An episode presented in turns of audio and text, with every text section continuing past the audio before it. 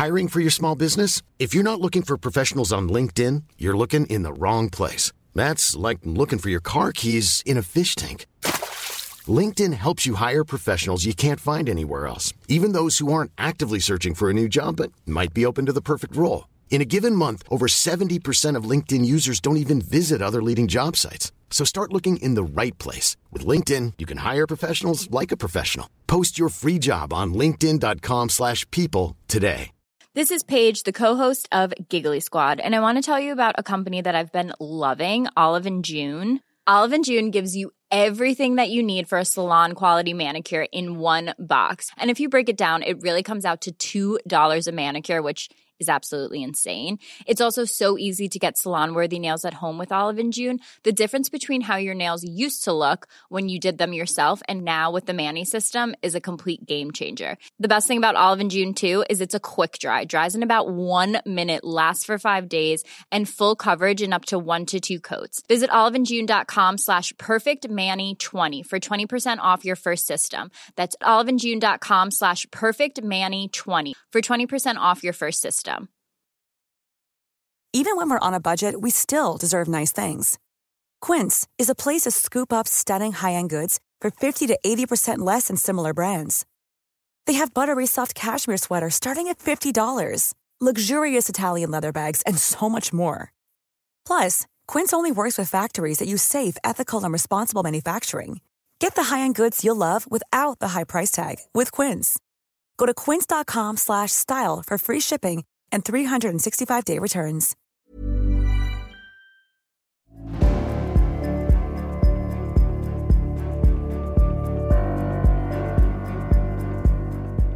Lisa Lit jobbar som sexarbetare och jobbar för sexarbetares rättigheter.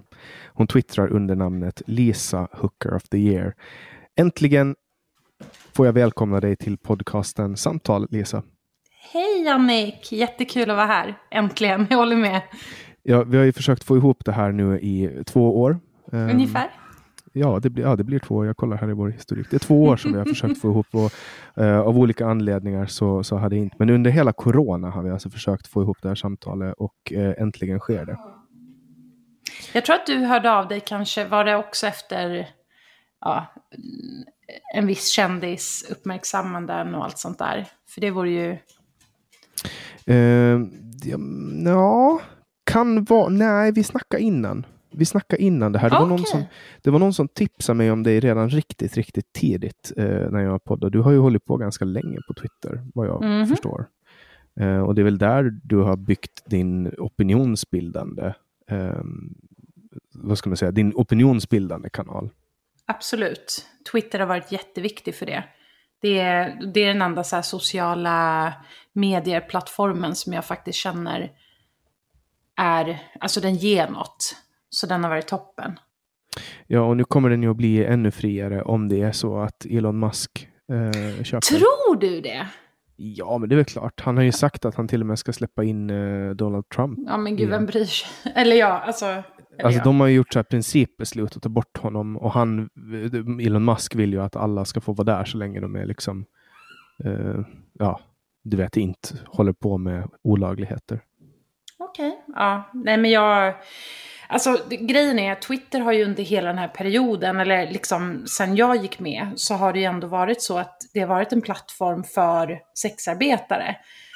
För det är ju många som lägger ut rent pornografiskt innehåll. Det är ofta sådana som kanske ibland kontaktar mig och följer mig och så går man in på deras profiler och bara okej, du retweetar sånt. Där det är så här, retweet this and I'll send you a nude och så är det någon så här jätte, liksom vulgärt.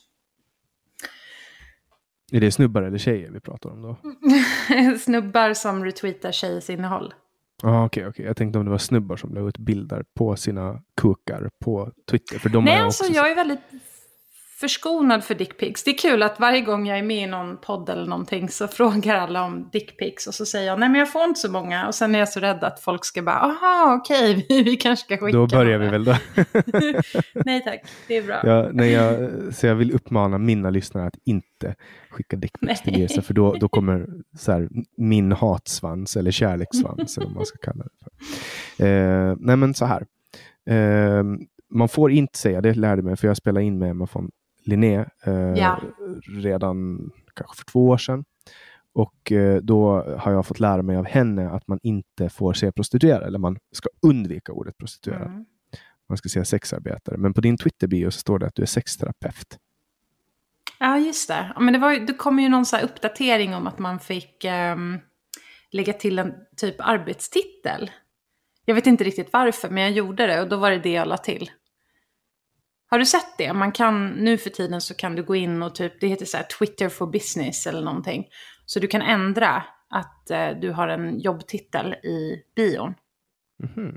Ja, så har jag på Instagram, men det är för att jag ville, ville koppla ihop dem med annonser när jag hade en, eh, en politisk kampanj. Då kunde man liksom knyta ihop att man hade avsändare från sin Instagram. Så det står när man går in på min Instagram att jag är journalist. Vad hade du alltså- för politisk kampanj?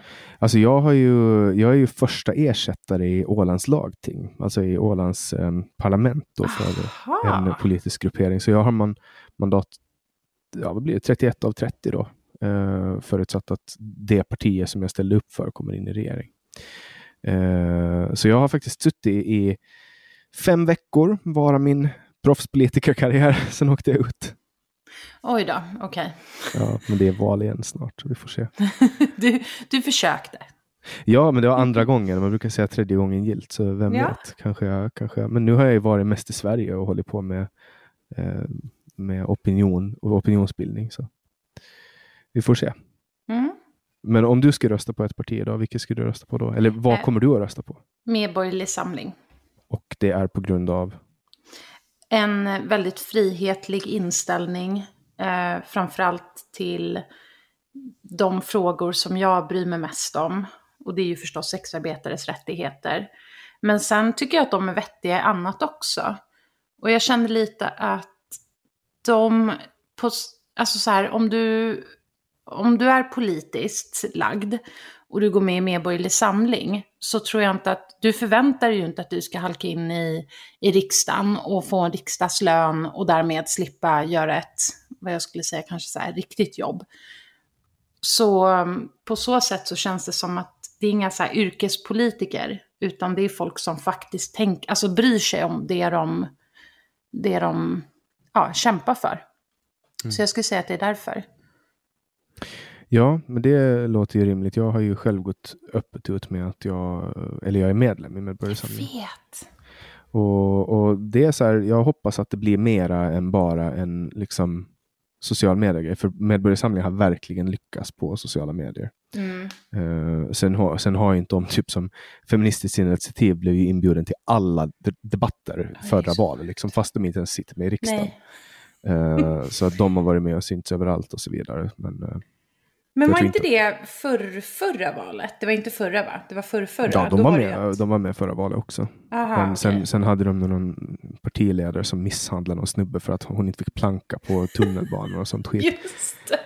Men det är ju så här, det blir ju så där, det är så dåligt omdöme. Som, Fan vad jag hatar plankare. Vet du hur ofta jag stoppar dem? Jag bara stopp! Och, så? och folk blir, de blir helt chockade. De bara, vadå du vit kvinna, hur kan du stoppa mig ungefär? Och det blir så dålig stämning. Mm, nej, jag, Och så har jag jag- lagt upp det på Twitter och folk bara, "Ja, men plankning är, är liksom, det borde vi göra för att det ska inte kosta och grejer. Och man bara, nej men okej, men fine. Men om jag behöver betala för min biljett så ska ju andra göra det också. Jag kan tycka att det är lite en, ganska rolig, en ganska rolig plankningshistoria.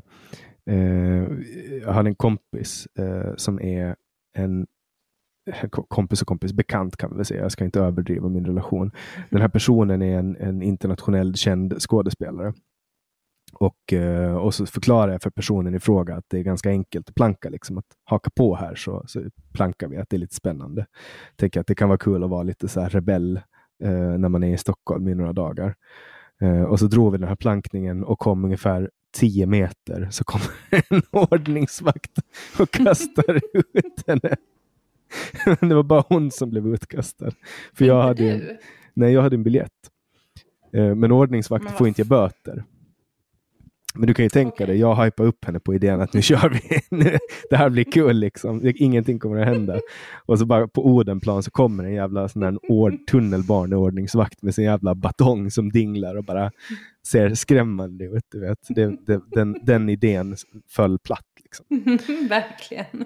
Men, men jag menar, det är klart att någon måste betala för kollektivtrafiken. Ja, verkligen. Det, det är liksom, det, så att det är klart att man måste uppta avgift för att, för att kunna eh, liksom, man kan ju inte ha, det funkar ju inte att ha den gratis. Det, det, MTR opererar trafiken, den kostar. Så att... Exakt, kostar väldigt mycket. Och apropå skatt så är det en väldigt intressant fråga kring sexarbete och sexarbetare. Därför att Skatteverket har ju gått ut och sagt att vi ska betala skatt. Men hej gubben, jag är här. Ja. Ehm, men samtidigt så ehm, får ju inte vi F-skattesedel. Och att skaffa ett bankkonto, det är fan inte enkelt. Okej, okay, så ni, ni, måste betala skatt men ni får inte bankkonto? Uh, alltså vi, vi får inte F-skattesedel.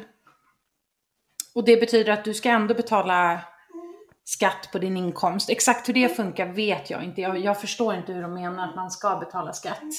Trots att man inte får, får F-skattesedel så. Uh, men ja, det är meningen.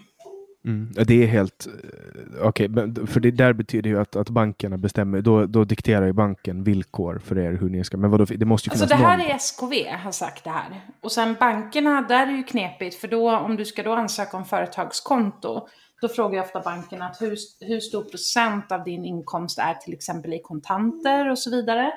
Och då ska man hantera det. Um, och då blir de direkt eh, ganska misstänksamma.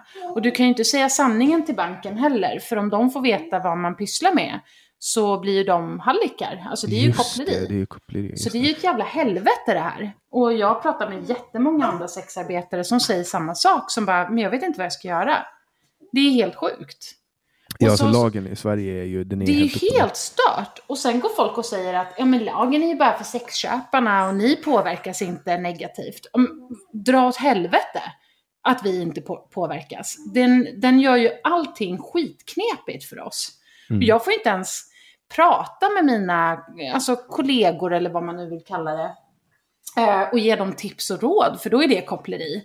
Alltså så att vi måste ju, för det första är jag för avkrim av sexköpslagen som den är, den ska bort. bort. Som i Finland, där är det ju, i Finland så är det ju helt lagligt att köpa och sälja. Så eh, hoppar du ombord Men du på... får inte köpa av någon som är offer för trafficking. Nej, och det, det är ju självklart. Det, ja, men självklart. Det är så här, traffic, det, alltså det, det är en självklarhet. Så här, om, det inte är, om det inte är eh, en, en frivillig transaktion, då är det ju eh, då är den olaglig. Så att mm. alla ofrivilliga transaktioner, förutom skatt, är ju eh, förbjudna. Mm.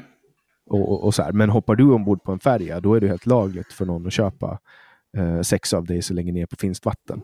Men hur ser finska kopplerilagar ut? För det här ja, det måste vi också ändra. För det ja, måste ju funka så att man liksom kan tipsa andra om saker utan att ja, alltså, så, det, beror ju, det, det, handlar ju också om hur, hur godtycklig den som tolkar lagen är. Mm. Alltså i Sverige så finns det ju enheter med personkulter som jagar torskar liksom och de gör karriär på det och skriver böcker och hyllar sig själva. Som, jag vet vem du menar. Ja, Simon Häggström. han är så här, det är så här, hans liv går ju ut på att liksom, eh, nej men, han har hittat en nisch liksom och så gör han en, en karriär på det.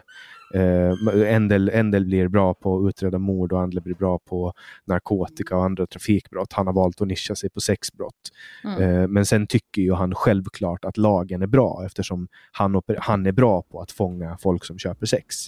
Uh, för att han har liksom byggt upp de här nätverken och så vidare. Men i Finland så, så är lagen liksom mer i en naturlig... Så, så här, man, ska, man ska komma ihåg att lagstiftning är någonting nytt affärer är på inget sätt någonting som är nytt, men lagstiftning är ganska nytt. Uh, i, i, i, den mån. Och jag menar, eh, uh, sexköp och sexförsäljning eller prostitution om man pratar ur ett lagperspektiv, som använder man ju den legala termen prostitution. Det har ju nästan alltid varit lagligt eller inte reglerat. Det har till och med funnits statliga bordeller i Sverige i Gamla stan. Och, och det är inget nytt. Alltså så här, det, det som är nytt, det är att man gör som Sverige gör, att man hittar på någon egen modell. Bara, ah, men vi förbjuder köparen, men inte den som säljer. Eh, det är nytt och det är konstigt. Vad många länder har är ju det som kallas för, ab, ab, jag kan aldrig säga ordet, aboli, A-B-O-L-I-T-S-M. Aboli, jag kan inte säga det. Det betyder att allt är förbjudet. Du får inte köpa sex, du får inte sälja sex. Det är ju liksom det vanliga i många länder. Bland annat i Afrika, Mellanöstern, eh, Asien och sådär. Och i vissa stater i USA. Då är ju allting förbjudet. Och det har ju inte visat sig göra någon skillnad heller. Ja, så alltså man gör det jobbigt för den andel som köper sex, vare sig det är lagligt eller inte. Och de alltså, som säljer sex, vare sig det är lagligt eller. Exakt. Och vi påverkas oavsett vilken variant av den här lagstiftningen man har. Därför är enbart avkrim det enda, alltså det är det enda rimliga som existerar. Och nu, och det här vill jag ju verkligen ta upp och komma ut med mer än bortom min blogg där jag har skrivit om det här. Det är ju eh, det nya lagförslaget som man har bakat in i en proposition med straffskärpningar. Är det okej okay att prata om det här? Ja, absolut. Toppen. Så man har skapat en proposition som handlar om straffskärpningar för vad regeringen kallar för eh, allvarliga sexuella kränkningar. Och i många av dem håller jag med. Eh, det handlar bland annat om våldtäkt mot barn, att man då ska höja minimistraffet för de brotten, eh, utnyttjande av barn för sexuell posering eh, och lite annat. Så det är flera sådana här. Och sen har man då på något vis jag skulle säga att det är, man har smugit in liksom att eh, man då ska höja minimistraffet för sexköp från böter till fängelse. Och det här är jätteallvarligt och jag är så här jättestressad över det här. Vi måste, vi måste prata om det här. Risken jag ser, det är ifall man, som när man antog eh, sexköpslagen, den röstades ju igenom 98 och började gälla 99 att man även då bakade in det här i någon slags paket om så här mäns våld mot kvinnor. Och nu bakar man in det med liksom våldtäkt mot barn. Och det är ju inte samma sak. Det är ju vitt skilda problem. Ja, det där är ett jättestort problem för att det som man ofta gör, att man blandar ihop korten. Alltså så här, ur mitt perspektiv och min åsikt, det är så här, alla frivilliga transaktioner bör vara tillåtna. Och en transaktion, om jag säljer sex till en person och jag vill sälja sex och jag är helt okej okay med det som sker, jag vill att det ska ske, då är det en frivillig transaktion. Då ska ingen kunna förbjuda mig från att göra det. För att, och man kan inte säga att eh, sexköp är betald våldtäkt. Därför att en våldtäkt är aldrig consensual. Då är det inte en våldtäkt. Mm. Så det kan vara en lek, att man leker att man blir våldtagen för att man har någon sån läggning. Men då är det fortfarande consensual. Då är det inte en våldtäkt. En våldtäkt kan inte vara Alltså så här, en frivillig transaktion kan inte samtidigt vara ofrivillig. Och är det så här, människor, jag ser folk som lägger ut så, så här, Åh, eh, betalt sex är att betald våldtäkt. Ja, Märta Stenevi bland annat. Ja, men det är så här, man eh, kan inte säga så. Man kan inte säga så. Det är fel. Det, därför att det är, så här, man, man, rätt ska vara rätt alltså. 100 procent, jag håller med dig. Eh, men samtidigt så kan jag på något vis förstå lite när man säger att eh, så fort du betalar för någonting som har med liksom sex eller typ, många gillar ju att säga typ åtkomst till en kropp eller så här. Då eh, är det inte, alltså om du inte, om du inte vill att göra någonting utan pengar som har med din kropp att göra och specifikt då sex, då, är det, då kan det inte räknas som att du har gett samtycke, för då har du betalat för samtycket. Och här har vi då ett problem, för då är det så här, jag tänker typ, när folk tar upp det här så säger jag alltid att eh, du köper mitt samtycke, ja, för jag kommer inte att ge mitt samtycke utan pengarna. Men samtidigt så har jag andra krav också och det har i princip alla sexarbetare. Vi ställer krav på de som, vad man nu säger då, köper vårt samtycke. Och de kraven innefattar liksom mer än bara pengar. Men, men då, det handlar ju inte egentligen om samtycke. Det handlar ju om uh, en affär, en transaktion. Uh, alltså att om jag vill ha, och så här, om, vad kostar det om jag går och masserar, om jag går på idrottsmassage, kan det kosta så 700 kronor. Eller något sånt. Om jag vill ha idrottsmassage 40 minuter mera än vad jag vill ha 700 kronor, då kan det ske en transaktion, då sker en transaktion. Det handlar inte om att, att massören då ska ge sitt samtycke till någonting annat än transaktionen. För massören vill ju ha 700 kronor mer än vad massören vill ha sin tid. 40 minuter. Och där sker frivilligheten i transaktionen. Och där bör inte samtycke vara en parameter som går in i transaktionen, därför att det är underförstått att den som masserar vill göra det för pengarna och kanske, kanske hellre vill vara hemma. Kanske hellre vill sitta på Bahamas. Kanske hellre mm. vill vara ute och cykla i skogen, men behöver jobba för att kunna betala räkningar och så vidare. Och, och, och, därför tycker inte jag att samtycke, alltså att man kan ta in samtycke en parameter, för där är det bara så här, var ställer man gränsen för var det behövs samtycke? Är det, betald, är det ett betalt övergrepp att jag blir masserad, idrottsmassage? Och, och spelar det någon roll om det är min rygg, eh, mina eh, lår eller om det är min fucking snopp? Alltså, vad är, vad är skillnaden och vem mm. bestämmer mm. den? Och varför? Mm. Alltså, Eh, jag tycker att det kan bli lite eh, risky när man börjar typ eh, jämföra yrken. Eh, för det du gör är någonting som många så här, som egentligen är för typ av krim och så som jag är. Och, som, och det är jätteviktigt att vi har allierade i allt det här. Men när man börjar jämföra sexarbete med andra yrken, och då är ju massöser väldigt vanligt. Det är ju någonting man verkligen gärna drar upp. Eller alla som typ jobbar med kroppen på något sätt.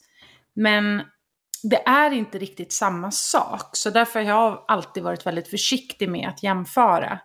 För att sexarbete är ju ändå en annan blottning av, av ens liksom innersta, ens person ofta. Eller det, det beror lite på hur man jobbar. Men eh, som jag jobbar så är det ju ofta att jag liksom verkligen kommer nära många av mina kunder och går in i deras psykologi och sånt. Och sen är det självklart eh, alltid en sexuell bit i det också. Men jag tror att man ska vara lite försiktig när man jämför. Och jag tror att det här leder inte min kamp och många andra sexarbetare och våra allierades kamp framåt är att man alltid försöker liksom säga att men massöser gör det här eller eh, byggjobbare riskerar sina liv på jobbet och så vidare. Jag tror inte att det hjälper, för folk ser inte så. Utan vi måste på något vis ändra hur vi, eh, hur vi alltså argumenterar. Hur man, förstår, hur man förstår värdet också av, av tjänsten. Är det så du menar? Nej, alltså det är inte, det, nej egentligen inte, utan snarare att folk ser ju så här att eh, sexarbete eller prostitution som folk eh, föredrar, så tycker ju de liksom att du, du köper dig tillgång till en annan människas kropp. Och det är inte, det är inte falskt egentligen. För visst, alltså för jag hade inte gett tillgång till min kropp om jag inte hade fått betalt. Så är det, liksom. Det, det hör ihop. Men jag tycker inte att man, att man ska liksom säga att sexarbete borde vara okej okay på grund av att andra yrken um, i princip använder sin kropp för arbete. Utan jag tycker vi ska se sexarbete som det är. Jag är supervillig att ta upp saker som trafficking, tvång, både yttre och inre, för jag skiljer ju på dem, vad yttre och inre tvång innebär. Uh, och jag tycker inte att man liksom ska eh, hymla om att det är en, um, hur ska man säga, nu fick jag slut på ord. Uh, det är väldigt alltså det är mer, intim, det, det är ja, intimt. Det är mer alltså, än bara, för när jag tänker, jag gör ju antagligen så är det ett tankefel. Att när jag, när jag tänker, när någon säger så sexarbete eller prostitution, då tänker jag på de här tjejerna som står eh, i Red Light District. När jag var i Amsterdam så gick jag igenom där. Såklart man gör det när man är i Amsterdam, även om de flesta inte erkänner att de har gjort det. Och så ser man liksom att det de säljer, det är så här 15 minuter. Det är liksom en utlösning. Ja. Eh, och det är ju den delen som jag liksom eh, ser. Nu har jag aldrig köpt sex eh, av någon och därför vet inte jag hur en sån upplevelse är. Eh, men jag kan tänka mig att det är mer än eh, bara det som jag tänker nu, att det är liksom man betalar för en utlösning, det tar 10-15 minuter och så är det klart. Liksom. Um, men, men samtidigt så när, när man jämför eh, tjänster, alltså, eller, eller, när man pratar om transaktioner, då jämför man ju tjänster. För att det man gör, basically, det är att man säljer sin tid. Alltså man, man byter tid mot pengar. Och så är det ju för alla tjänsteföretagare. Egentligen. Alltså om, om inte sexarbete skulle vara Eh, på det sättet, nu är det ju inte olagligt, men det är olagligt att köpa sex.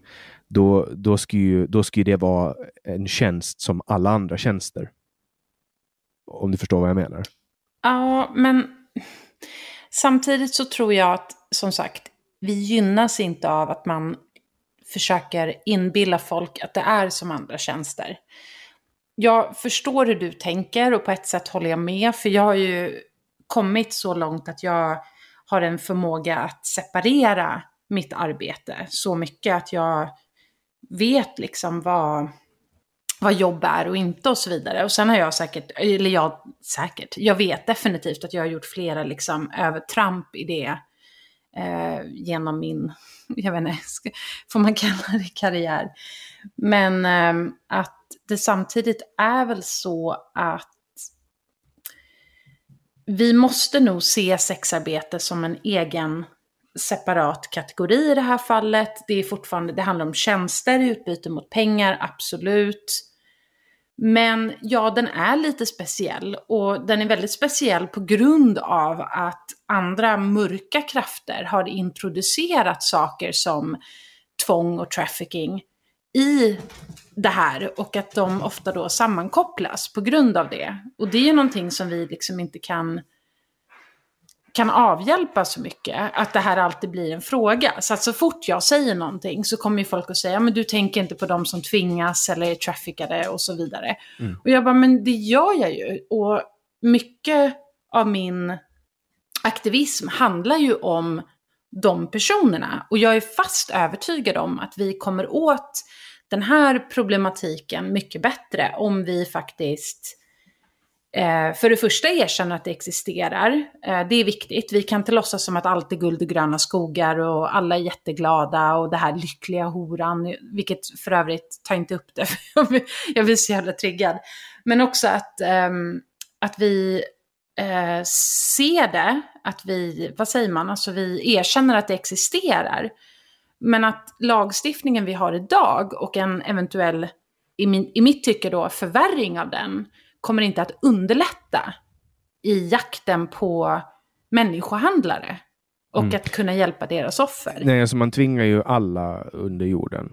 Uh, alltså Exakt. Här, för att sku, skulle det vara så, tänker jag, att om, om sexarbete inte skulle vara olagligt, vilket det är idag, man får ju ändå säga att det är indirekt, så är det olagligt. Uh, därför att alla dina kunder blir olagliga. Så att vad man än säger, när det är inte alls olagligt att sälja sex som många gör, så mm. har man indirekt straffa alla som väljer att göra det. Uh, då, och om det ska ske i det öppna, vilket det kanske inte ska göra till 100 procent, men åtminstone mer öppet, då skulle, ju in, då skulle det vara mycket lättare att hitta traffic offer, trafficking-offer. Ja. Och sen för övrigt så vill jag nästan invända lite mot trafficking, därför att man gör på något sätt så här, semantiskt så gör man ordet mindre obehagligt. Alltså jag tycker att man ska kalla trafficking för vad det är, alltså sexslaveri. Alltså mm. det är ju slaveri och all form av slaveri är olaglig och vidrig på alla sätt. Mm. Alltså att någon annan människa tar en annan människa, tar deras frihet och använder dem som en ekonomisk resurs mot deras mm. vilja är vidrigt. Och då spelar det mm. ingen roll om man används som sexslav eller om man används som arbetskraftsslav. Vad det än är för slaveri så är det vidrigt. Att ta en annan människas frihet, det är det värsta Men man kan göra. Jannik, har du tänkt då på uh, hur vi i Sverige, uh, när vi använder till exempel kopplerilagen, så är ju den jättebred och går att användas superfritt. Alltså där kan man verkligen vara kreativ. Eh, så allt det här du nämner, fruktansvärt. Men man kan dömas på samma sätt om du som partner till en sexarbetare har haft någonting att göra med hennes business, eller hans business, ja, om jag nu ska vara så här, köns... Uh, whatever, du kanske inte bryr dig. Men ofta så handlar det om att det är en kvinna som är sexarbetare. Skitsamma. Om man inte uh, anger att, den personen?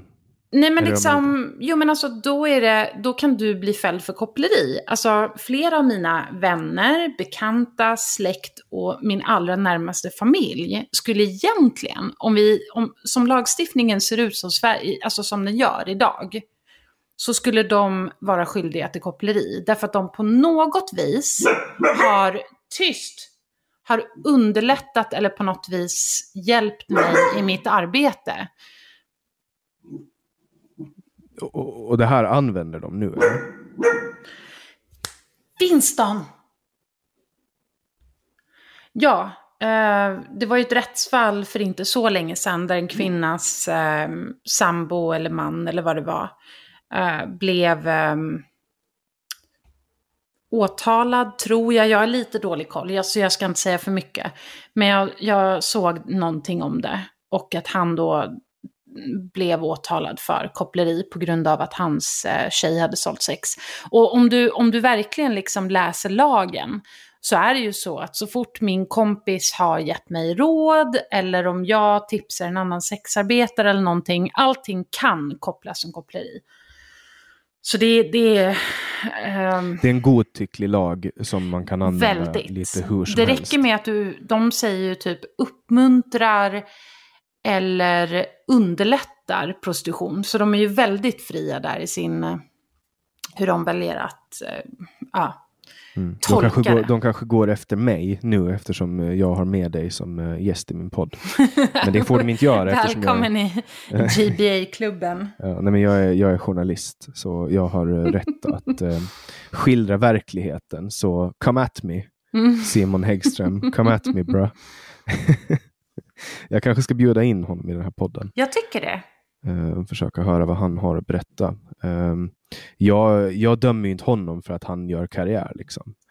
Uh, mm. det, det, kan jag inte göra. Jag dömer alla som gör en karriär på att skada andra människor. Ja, han, tro, han tror ju antagligen att han gör rätt, annars skulle han inte göra det. Det är så jag tänker.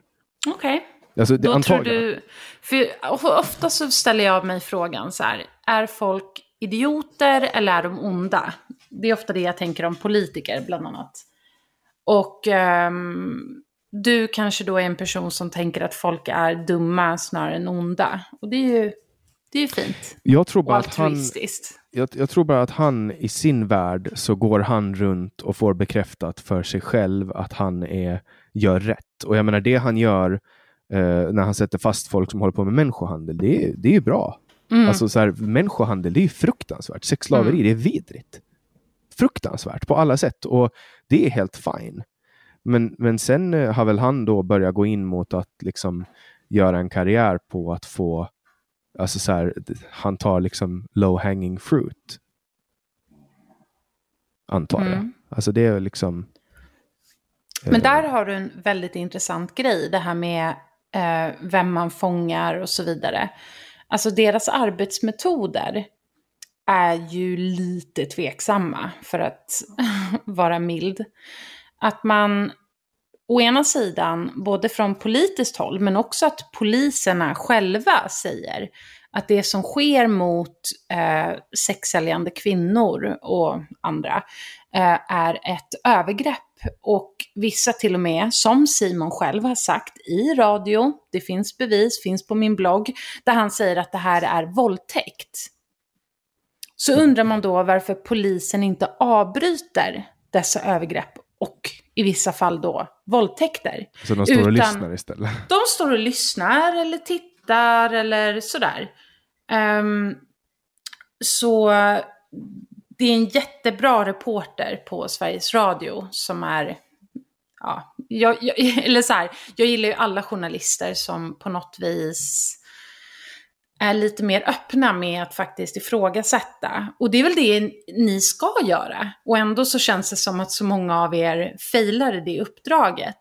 Men eh, han ifrågasatte Simon i det här och sa liksom att men om ni säger att det här är ett övergrepp eller en våldtäkt som pågår, varför stoppar ni inte det? Varför kliver ni inte in? För då, då, jämför, då kan man verkligen jämföra det med, skulle ni stå och sitta på, alltså titta på när typ en, ehm, en misshandel eller ett mord eh, eller något annat pågår och, och liksom säga att aha, nej men eh, vi behöver göra det här för att vi ska kunna sätta dit dem för misshandel och inte, jag vet, inte, jag vet inte om det finns försök till misshandel, jag antar inte det. Men det är ju det de säger, att det behöver de göra för att komma åt dem på sexköp och inte försök till sexköp. Mm. Ja, men också så här, alltså, bara kollar man hur Alltså, han har, eh, Simon Häggström har 32 000 följare på Facebook och så lägger han upp saker som till exempel han lagt en bild på en URL från en schweizisk eh, bordell. Uh, och så skriver han så här, på bordellets hemsidor läggs de tillgängliga kvinnorna oftast ut till allmän beskådan för sexköparna. Männen vill ju gärna spana in utbudet innan de bestämmer sig för ett besök. Just på den här bordellen som har sitt säte i Schweiz och när man studerar hemsidadressen så blir det smärtsamt påminn om att de här kvinnorna bara är produkter för uh, bordellägarna. Och då har han tagit en bild på en URL där det står hemsidan slash product slash Melissa och då är det så här, ja okej, okay. men om man har en, alltså en millimol förståelse av hur en Wordpress-sida funkar när du installerar WooCommerce på den, en e-handelsplattform, och då kommer det du säljer att bli en produkt när du produktkategoriserar för att det, så, det spelar ingen roll vad du säljer. Om du har, säljer tjänster om du säljer produkter, då är det en produktkategori för att eh, typ Google ska kunna indexera, för att eh, olika eh, alltså, pixlar ska kunna interagera för att saker funkar. Då, kalla, då är det en subkategori av produkter. Det har ingenting okay. att göra med personernas eh, bild av kvinnorna. Alltså sådär till exempel. Och så har han lagt upp en bild på en hamburgare och sådana grejer som han säger. folk har kört 40 mil för att äta en hamburgare. Alltså så här, det, det, där är bara, det, han, han, gör en karriär och, och, och så man ska vara jävligt ärlig med det. Men i grund och botten, igen, alltså så här, jag, tror, jag tror inte att han är en ond person. Jag tror att han tror att han gör rätt och det han gör för att stoppa människohandel, eh, det, det är bra. Eh, men man som polis, som jag pratade med en person som har utbildat um, inom då rättsväsendet som har sagt att, att en bra um, maktutövare vet när den ska se mellan fingrarna. Alltså man kan inte gå runt och följa mm. lagen till 100 procent. Mm, Då skulle i princip okay. alla som går runt vara olagliga eftersom alla mm. måste bära ID till exempel. Då skulle man kunna bötfälla typ 70 procent av hela befolkningen bara de gick till ICA. Alltså du vet, du förstår vad jag menar. Mm, mm. Nej men alltså det, det är absolut rimligt och kanske är han inte ond. Men samtidigt så är ju han beredd att bevisligen och flera andra poliser att eh, skada sexarbetare i deras jakt på vad de anser vara onda män, sexköpare och så vidare. För det gör de ju. Alltså de, eh, mål, alltså de, vad säger man på svenska? Target, alltså de, de targetar oss. Så de, de sätter er i mål? Eller vad, Absolut. Nu tappar, jag, alltså, nu tappar jag det också. Ja.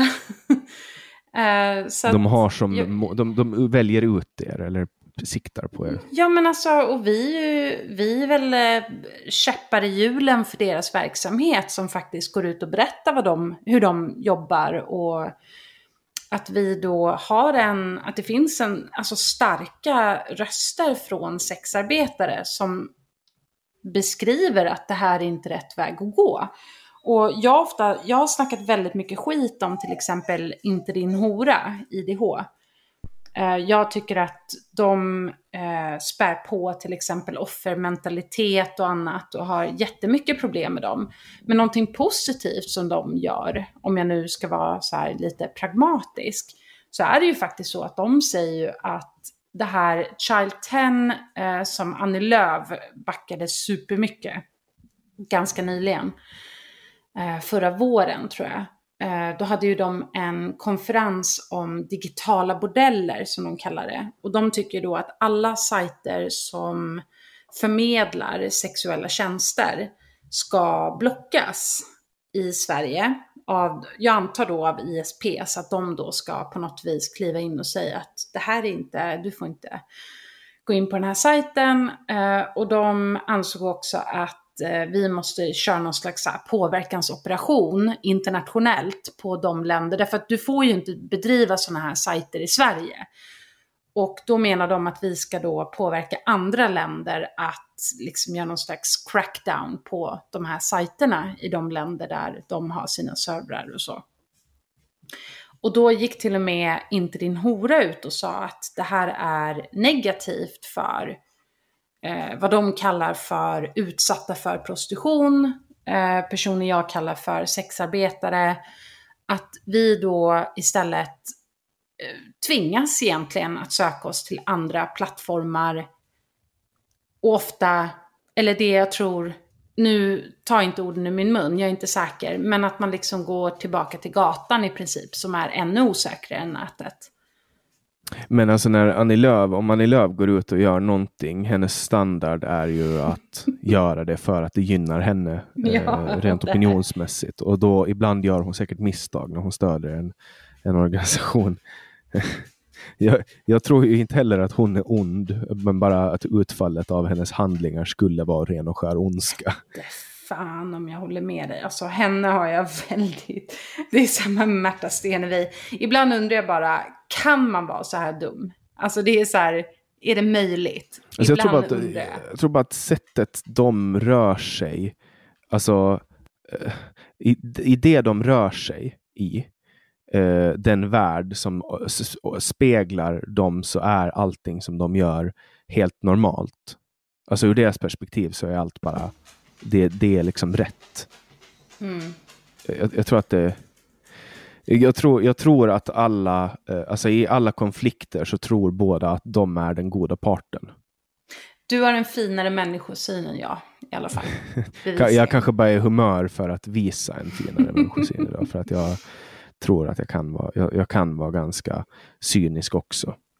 Grejen är lite så här att jag tror när man får en insikt i hur Sverige behandlar sexarbetare så har det gjort mig extremt politikerfientlig.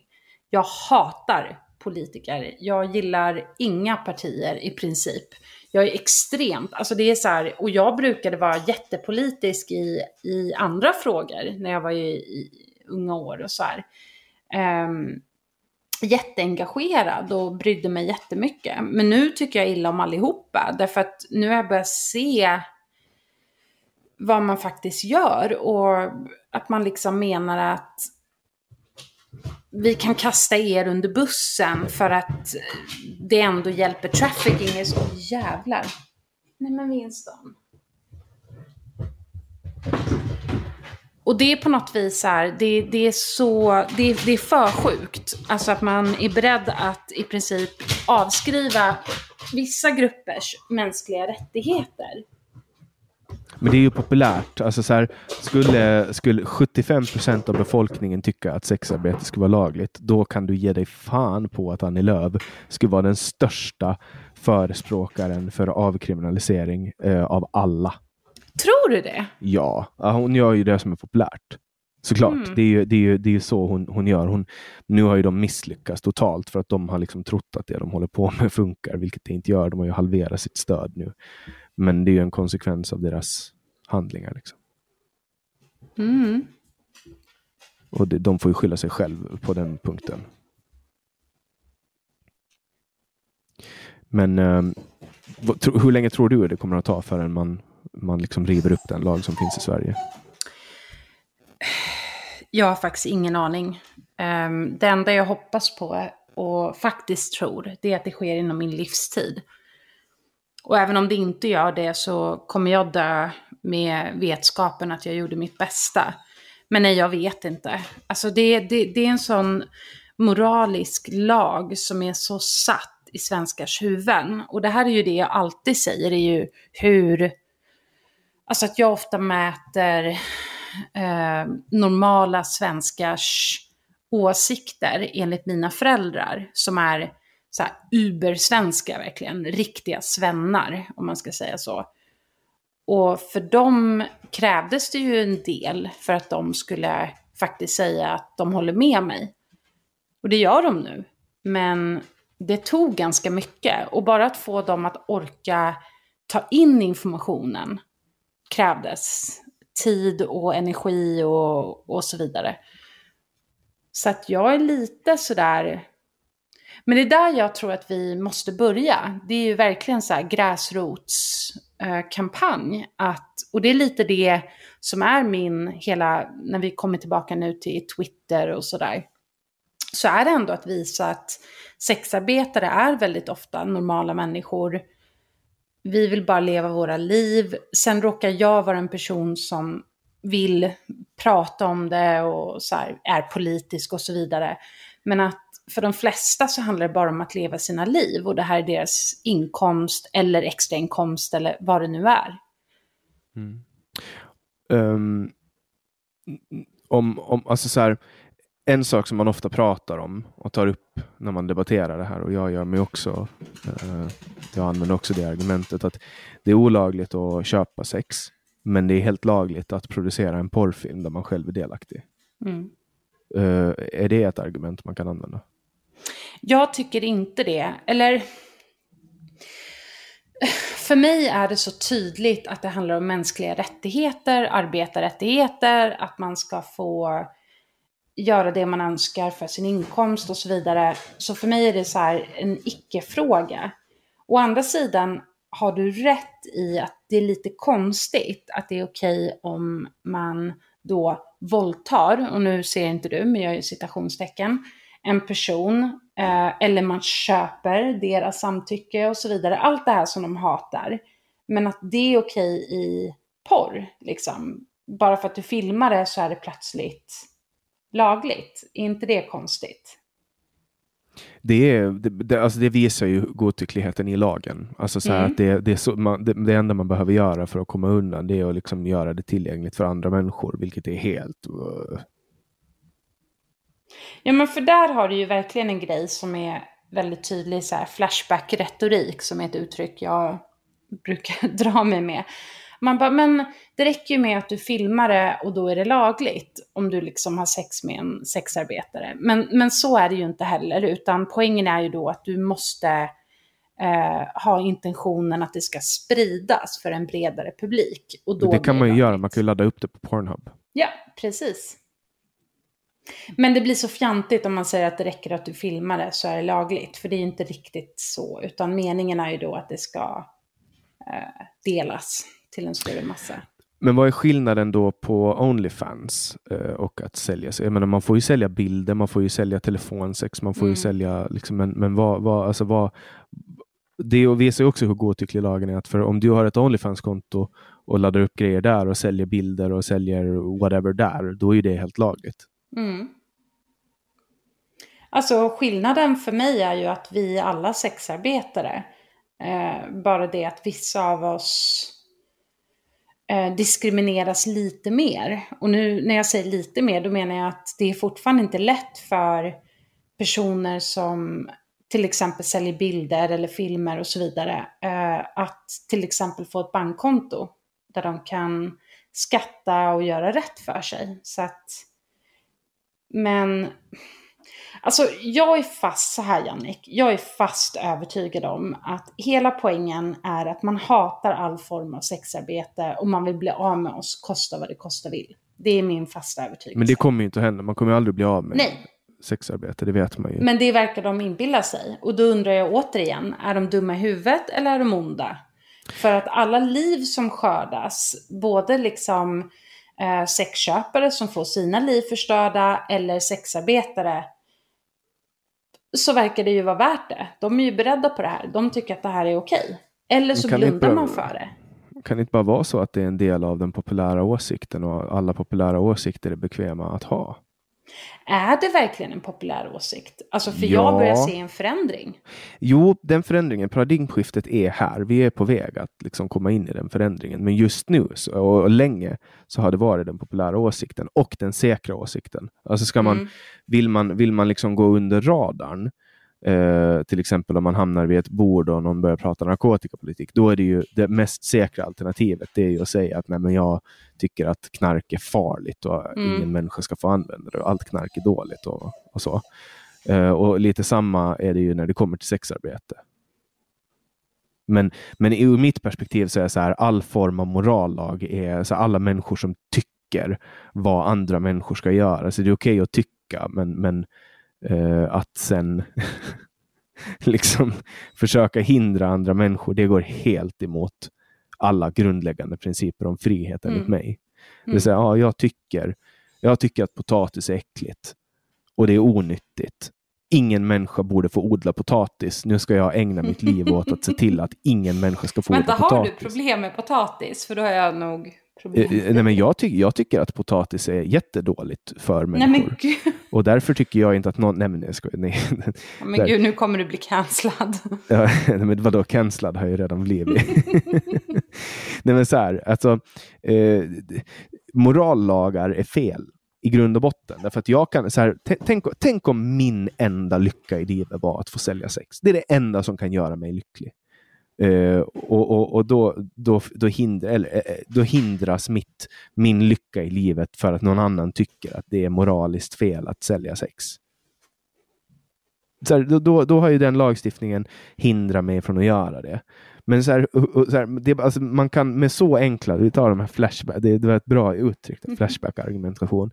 Alltså, om, man, om man på flashback kan argumentera ner en lag och hur orimlig den är. För jag menar, jag kan tänka mig så här att många av dem, för det har vi ju läst mycket om hur, hur porrfilmsbranschen är en vidrig bransch. Det finns mm. jättemånga dokumentärer på Netflix och så vidare och när man ser så här hur men så här, många av dem som är skådisar liksom tar ja, men de tar mediciner, bensodiazepiner för att orka igenom dagarna och de har liksom, det är inte alls kul. Cool så här, alltså det är en vidrig bransch. Mm. Um, det är så här, jag kan tänka mig att många av de som verkar inom den branschen gör det av väldigt osunda anledningar och att de kanske, de kanske gör det för att de själva tycker att det är jävligt nice att knulla och få betalt. Liksom.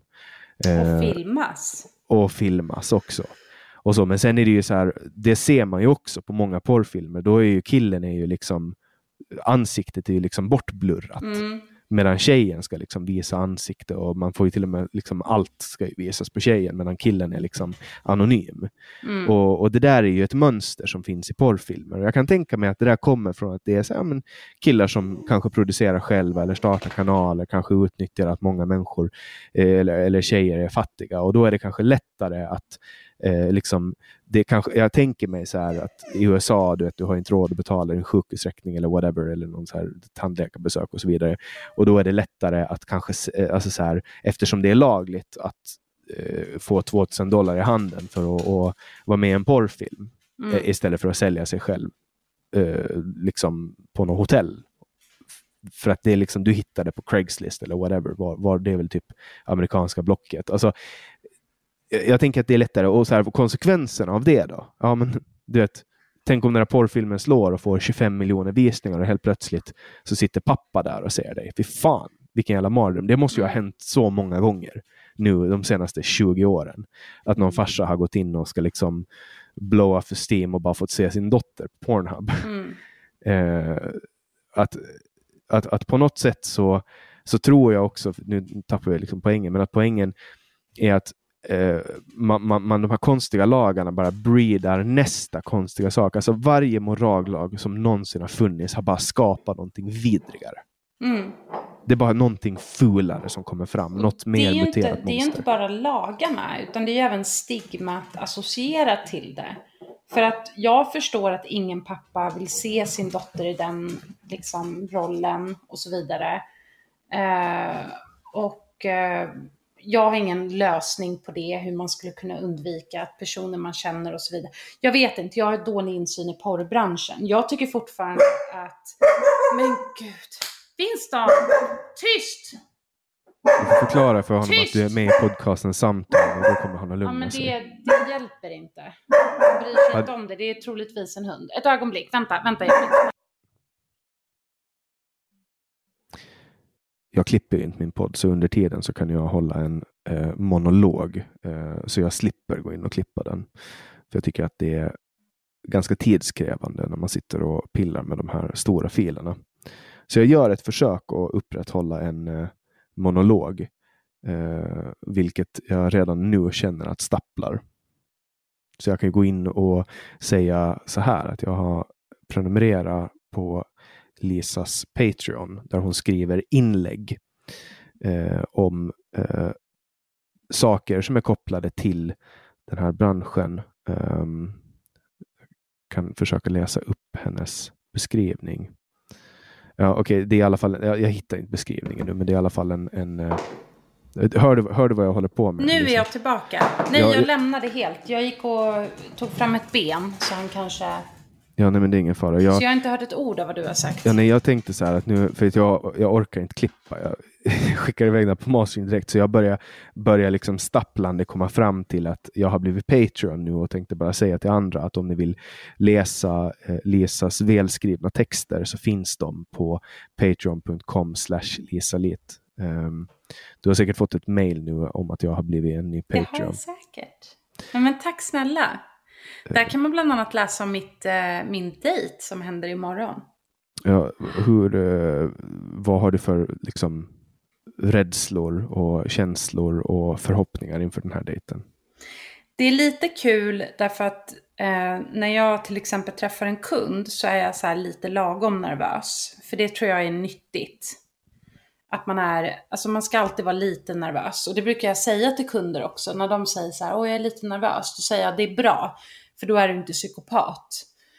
Och, men det här är en helt annan nivå. Alltså det här är mega nervositet. Så, och sen tänker jag också, vad är det för fel på honom? Vad kan gå fel? Alltså så här, massa med katastroftankar myntade vi på min Discord. Och där måste du ju också gå med. Om du nu är Patreon så har jag en Discord som man kommer åt om man är Patreon. Som jag tror att du skulle gilla. Ja, jag kanske ska ansluta mig till den då. Definitivt. Jag har ju tillgång till den nu eftersom jag är här Patreon. Exakt, och där finns det jättemycket bra folk och jag själv och så vidare. Och det är där jag brukar med slänga ut så vardagliga grejer, typ okej, okay, nu är tid och plats bestämt för dejten och paniken så kommer med det. Är det en riktig snygging du ska träffa? Är det därför du är nervös? Alltså nej, eller han, jag, jag vet inte, och det här låter ju fel, men jag bryr mig inte så mycket om utseende. Och jag vet att folk tror att jag ljuger när jag säger det om kunder och så vidare. Jag har ju en förmåga att hitta saker som jag gillar hos de flesta. Men just den här personen har skärmat mig med sin um, intelligens. Så vad jag gjorde för att liksom gå in lite i problemet. Det här är ett jätteproblem och det här är någonting som jag kommer att skriva och podda om troligtvis mycket mer. Och det är att alla, eller många, jag kan inte säga alla, många sexarbetare har ett litet problem med att dejta i vardagen därför att det man jobbar med är inte superkul för potentiella partners. Och det är ju, det är ju helt självklart, det är förståeligt och så vidare. Men där vill man samtidigt, alltså vissa kan ju då känna att men jag vill inte berätta alls utan man håller det hemligt. I mitt fall är det helt omöjligt därför att det är en så stor del av mitt liv. Eh, aktivismen då är ju jätteviktig. Och därför så skulle jag aldrig kunna hålla det hemligt för någon. Så vad jag gjorde var att jag introducerade liksom idén genom att nämna att jag var en aktivist för sexarbetares rättigheter. Och sen vet inte jag riktigt hur han har tolkat det.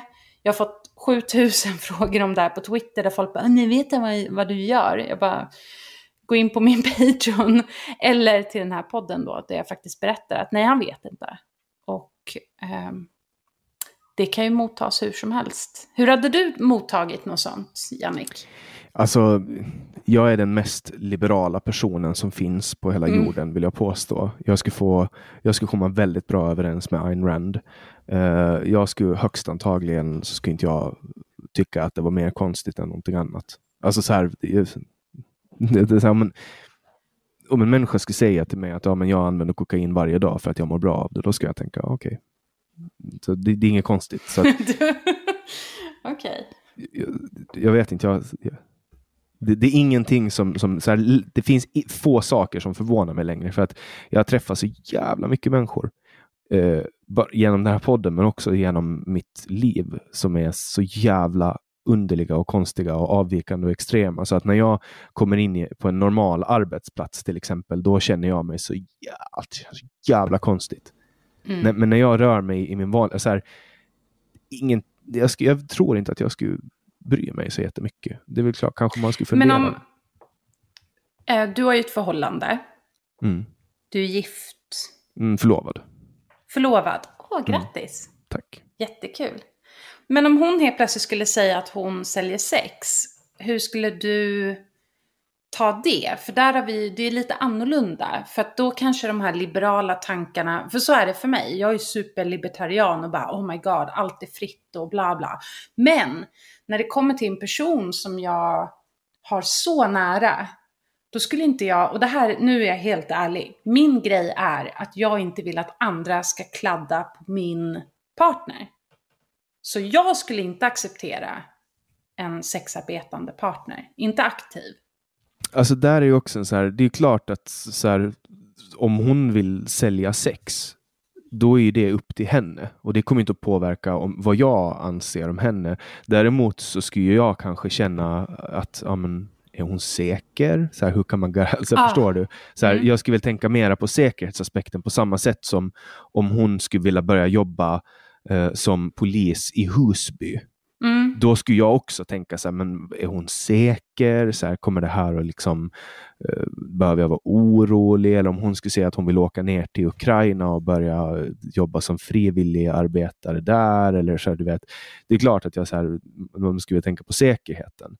Eh, jag skulle inte älska henne mindre för det. Mm. Alltså så här, och det är klart att det, jag, vad jag sitter och säger här betyder ju ingenting. Det, det, är ju vad jag gör den dagen hon kommer hem och berättar det. Det är väl det som är... Jag tror att det är svårt att tänka sig in i det. Jag tror det är omöjligt ja, i princip. Ja, alltså och det är här... lätt då att förkasta det och säga att nej men det är inte okej för att hon har haft så många kukar i sig. För det är ju så här, det är också så här, här är en del av Flashback-retoriken. Att man är så här wasted goods eller vad, ja, vad de nu säger. Och det kan jag också köpa, att om man tycker att ja, men du har liksom, ja, som de då säger, typ så här, sålt din kropp till okända män och så vidare. Medans många sexarbetare och många av våra allierade snarare skulle säga att men du har liksom, du har tjänat din inkomst på ett sätt som är på vissa sätt väldigt eh, smidigt och passar folk som kanske inte alltid kan ha de här typiska arbetena och så vidare. För det är ju någonting som är en stor grej i allt det här, att eh, det är många som börjar med sexarbete på grund av att de inte kan ha 9 till 5 jobb eller ja, man kan inte jobba de timmar och så vidare. Och... Eller för att man inte vill kanske. Man vill ha eh, frihet. För vad jag förstår så behöver man inte jobba 40 timmar i veckan. Nej, absolut inte. Sen kanske tar upp ens hjärna 40 timmar i veckan om man är så här jätteengagerad och att jag reagerar på allt som sägs om det på grund av att jag är politisk. Men för de flesta så är det ju en, en inkomst enbart, enkom. Och det är ju vem fan är liksom den svenska staten att ta ifrån oss det? Det är ju också sjukt. Men tillbaka till partners och så, så känner jag på något vis att jag tror ändå att det är svårt att tänka sig in i situationen att någon gör det här. Och när du säger att du skulle vara orolig för hennes säkerhet så är det någonting jag upplevt. För jag har ju berättat om det här arbetet för två personer som jag har dejtat. Eh, och jag fick väldigt olika reaktioner. Den första sa du, verkligen, alltså så här, verk, alltså stämmer det här? Var helt chockad. Och den andra eh, svängde väldigt mycket. Han var väldigt så här binär. Han bara, men ja men det är okej okay och jag förstår och så vidare. Och sen nästa dag kunde han svänga och säga eh, det här känns inte bra eller han typ tyckte att det var jobbigt och så vidare. Och sen så sa han till slut att ja, men, jag, han gav mig en tidsfrist. Han sa du får sex månader och sen måste du sluta. Och så som han sa var att han ville ha mig för sig själv. Och där har vi ju ett problem för att det handlar ju inte om att ha någon för sig själv. Alltså... Nu skäller dina hundar, vad glad jag blir. det betyder att inte jag är den enda som har en skällande hund. Ja, nej, de, de skäller så fort de hör ljud. Jaha. Nej men alltså så att på något vis så handlar ju, alltså jag skiljer ju på jobb och privatliv. Och det där har folk så här jättemycket åsikter om och frågor och så. Bara, men hur skiljer man på det och är sexet annorlunda i privatlivet versus jobb och så vidare? Är det det? Um, ja, alltså. Den stora skillnaden är väl egentligen hur jag är mot någon som betalar mig för min tid. För då ska ju jag anpassa mig efter vad han vill ha. Uh, kom gubbar. Uh, ehm, medans är det ett privat förhållande då får han väl liksom hela min, vad säger man, alltså ja, emotionella problematik kanske, jag vet inte. Men det, det är skillnad. Och, och sexet kan vara ganska lika beroende på hur ofta man har träffat någon. För är det någon jag har träffat ganska länge, även som kund, så lär man ju känna någon och man har den här kemin och allting funkar. Och då kan det ju vara verkligen toppen sex. Och det kan det ju vara också även första gången. Absolut, det ska jag inte sticka under stol med. Men sen är det ju skillnad att ha sex med någon man är kär i. Mm. Absolut. Jag tänker inte försöka låtsas som att det Men, men blir det så att um, alltså jag tror, eh, det var så länge sedan jag spelade in med Emma, att jag kommer inte riktigt ihåg svaret. Jag tror att vi pratade om det här också, men, men det här med alltså när, när, när en person köper sex, då gör ju den det den vill göra. Är det, är det vanligt att killar vill få en sexarbetare att komma? För deras skull? Oj. Vilken bra fråga. Alltså jag tror... jag tror att det beror lite på vem man träffar. Vänta, hostpaus. Hostpaus. jag lyckades muta. Ja, du mutade under hostpaus. Um, men um, mina kunder är nog lite mer inför att man vill ha någon slags ett utbyte och inte bara ja, jag köper tillgång till din kropp liksom. Så mm, ja. Sen men om finns... de förväntar sig att det är äkta, det är ju en annan sak. För, men, men jag menar, det, det ingår, antar jag då, i tjänsten att man låtsas komma? Är det? Inte för min del. Därför att eh, även om folk gärna vill att det ska hända så är det ingenting som jag känner att det är typ värdigt att låtsas om. För mm. att jag själv har instruerat vissa män lite mer så här oerfarna i hur man kan märka om en tjej kommer. Och sen bara, då kan inte jag låtsas i nästa veva. Mm. Så det, det, är liksom, och det, och det är yrkesintegritet då, så att säga? För mig, men alltså alla vi är olika, vi jobbar på olika sätt, vi har olika kunder. Ibland har vi samma kunder, vilket vi har märkt. Uh, men, men alltså nej, det är det är jättesvårt att säga så här, jag kan inte tala för alla, jag kan bara tala för mig själv. Och... Men du kan, inte, du, du kan liksom inte, om, om jag förstår det rätt då, uttala dig om en average sexköpare. Hur är en average sexköpare eftersom det är... Absolut inte. Eftersom det är en, män, en man på populationsnivå. Alltså det är, det är en jätte bred grupp. Och jag har väl kanske genom alla år, eftersom jag har ändrat lite mitt fokus och målgrupp och sådär genom åren. Eftersom jag har hållit på nu i typ på 11 eller nästan 12 år i omgångar då, det har inte varit konsekvent liksom. Men så kan jag absolut säga att det är alla män. Och precis på samma sätt som vi sexarbetare har så här, eh, vi säger typ someone I love is a sex worker, så kan jag säga att someone you love is a sex buyer.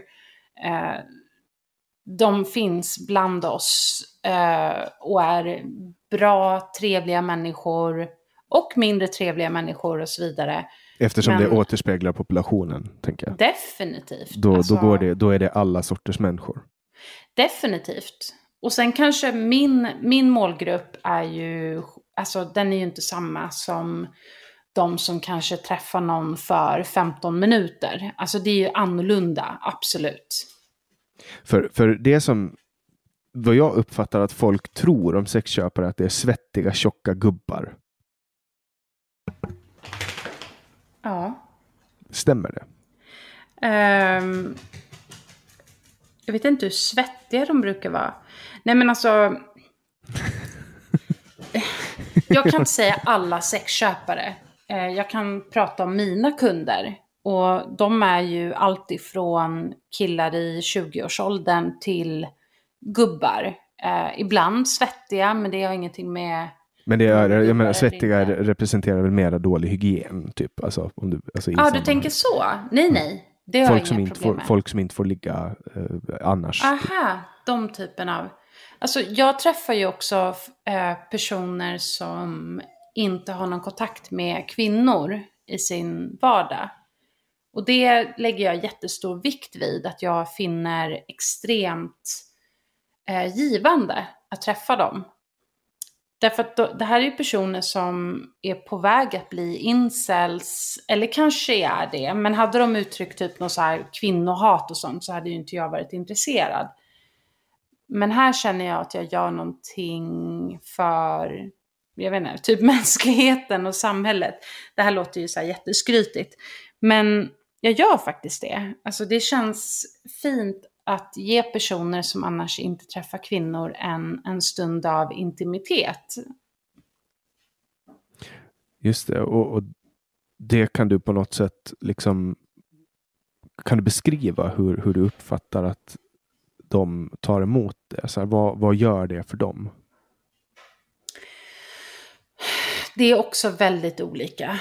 Eh, och det beror på person till person. Eh, jag skulle säga så här, om jag måste generalisera så tror jag att man till en början ger dem att de känner att okej, okay, nu har jag varit nära en kvinna, antingen för första gången eller kanske för, ja, så. Eh, men samtidigt är jag lite orolig att man också... Jag brukar säga så här. Om, om sexköpare förväntar sig att kvinnor de träffar är som sexsäljare, då har man ett problem. Alltså det är inte nyttigt. Om du tror att alla ska vara så tillmötesgående och acceptera alla dina brister och fel, så är det ett problem. Eller att du hamnar i någon slags eventuellt ett sexmissbruk för att du tror att men det, är så, det här är så enkelt. Eh, vissa kan ju också höja sina, Eh, sina krav på en kvinna. För nu träffar du någon som är supersnygg och jättetrevlig och har alla liksom så. Eh, men det är ju bara för att du har betalat henne. Och om du sen då tror att det här är samma grej när du träffar liksom, tjejer som inte tar betalt så hamnar man ju lite i ett dilemma. Så, och det här, jag, jag har skrivit och pratat om det här jättemycket och är väldigt öppen med att, att, min, alltså att man ska vara försiktig när man träffar sexarbetare och ha rätt förväntningar. Vad är det för, för första gångs eh, förväntningar som du brukar upptäcka att finns återkommande? Från just personer som har dålig erfarenhet av kvinnor eller? Mm, men typ ja, eller allmänhet, så här, de som första gången köper sex. Tänker de typ att man kommer dit, klär av sig och sen bara kör man? Nej. Finns det någon, eller, alltså, finns det någon vanlig alltså, föreställning? Och återigen så handlar det om att jag kanske, eh, min målgrupp är mer män som kanske vill träffas över en drink eller middag först och så vidare. Så att jag har svårt att eh, talar för vad jag tror är majoriteten. Och det är ju de som bara vill ha sexet. Och andra kanske är mer så här nyfikna på mig som person och vill sitta och snacka eller, eller så. Så att, men för de jag träffar så tror jag att nu för tiden är det väldigt mycket så här att man har fått en bild av mig från media, Twitter, Patreon och så vidare. Och så har man liksom så här, är hon så här på verk alltså i verkligheten? Jag har ju slutat annonsera. Jag behöver inte ens göra det längre. Jag har ju hamnat i en, och därför så kallar alla mig privilegierad. Och det är fan sant, tror jag. nu inkriminerar du ju mig lite eftersom då blir jag automatiskt eh, en del av din marknadsföringskampanj. Men återigen, jag är journalist så come at me bro. um, men okej, okay, så här då. Um, någon du känner får reda någon du känner i privatlivet får reda på att du är Lisa Hooker of the year och vill köpa sex av dig. Har det hänt? Nej. Inte de två kombinerat har inte hänt. Um, hur, hur skulle du liksom skulle du ta illa upp om någon om det händer? För, att det, för jag kan tänka mig att det blir så här. Nu bara tänker jag att din reaktion skulle vara någonting i stil med att men vadå, tror du att jag är tillgänglig för dig bara för att jag säljer? Alltså förstår du? Mm. Hur, alltså, hur skulle din reaktion bli? För det där, det där kan jag tänka mig att det är en ganska svår fråga. Mm. Och jag vet inte. Alltså det har ju inte hänt så att jag har jättesvårt att tänka mig in i... Har du, ett, alltså, har du ett, så att säga, vanligt jobb också?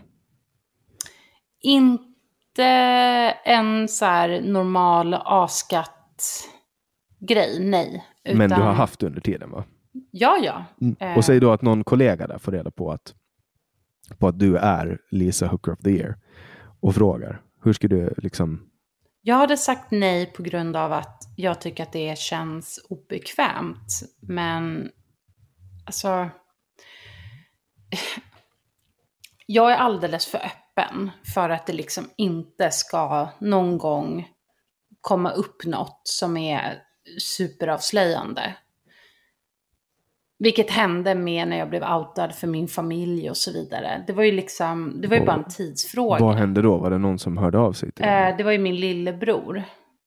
Som, som hörde mig, även om rösten var lite förvrängd så hörde han mig i en intervju. Och sen så kontaktade han mina föräldrar.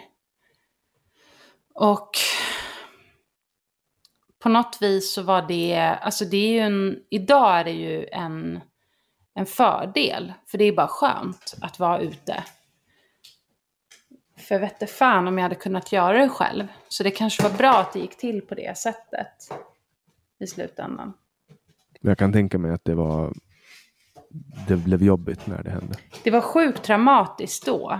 Men nu är det så här, ja men fan om jag inte är lite tacksam. Sen att han kanske inte behövde ha blivit så jävla hysterisk, men det är hans grej. Så att... Mm. Ja, um, men det finns säkert värre sätt att få reda på det. Absolut, jo men det tror jag. Typ att man, man stämmer träff med någon där helt plötsligt. Så. Whoops! Ångest! Nej usch. Säg det inte ens. Nej, jag ska inte säga det.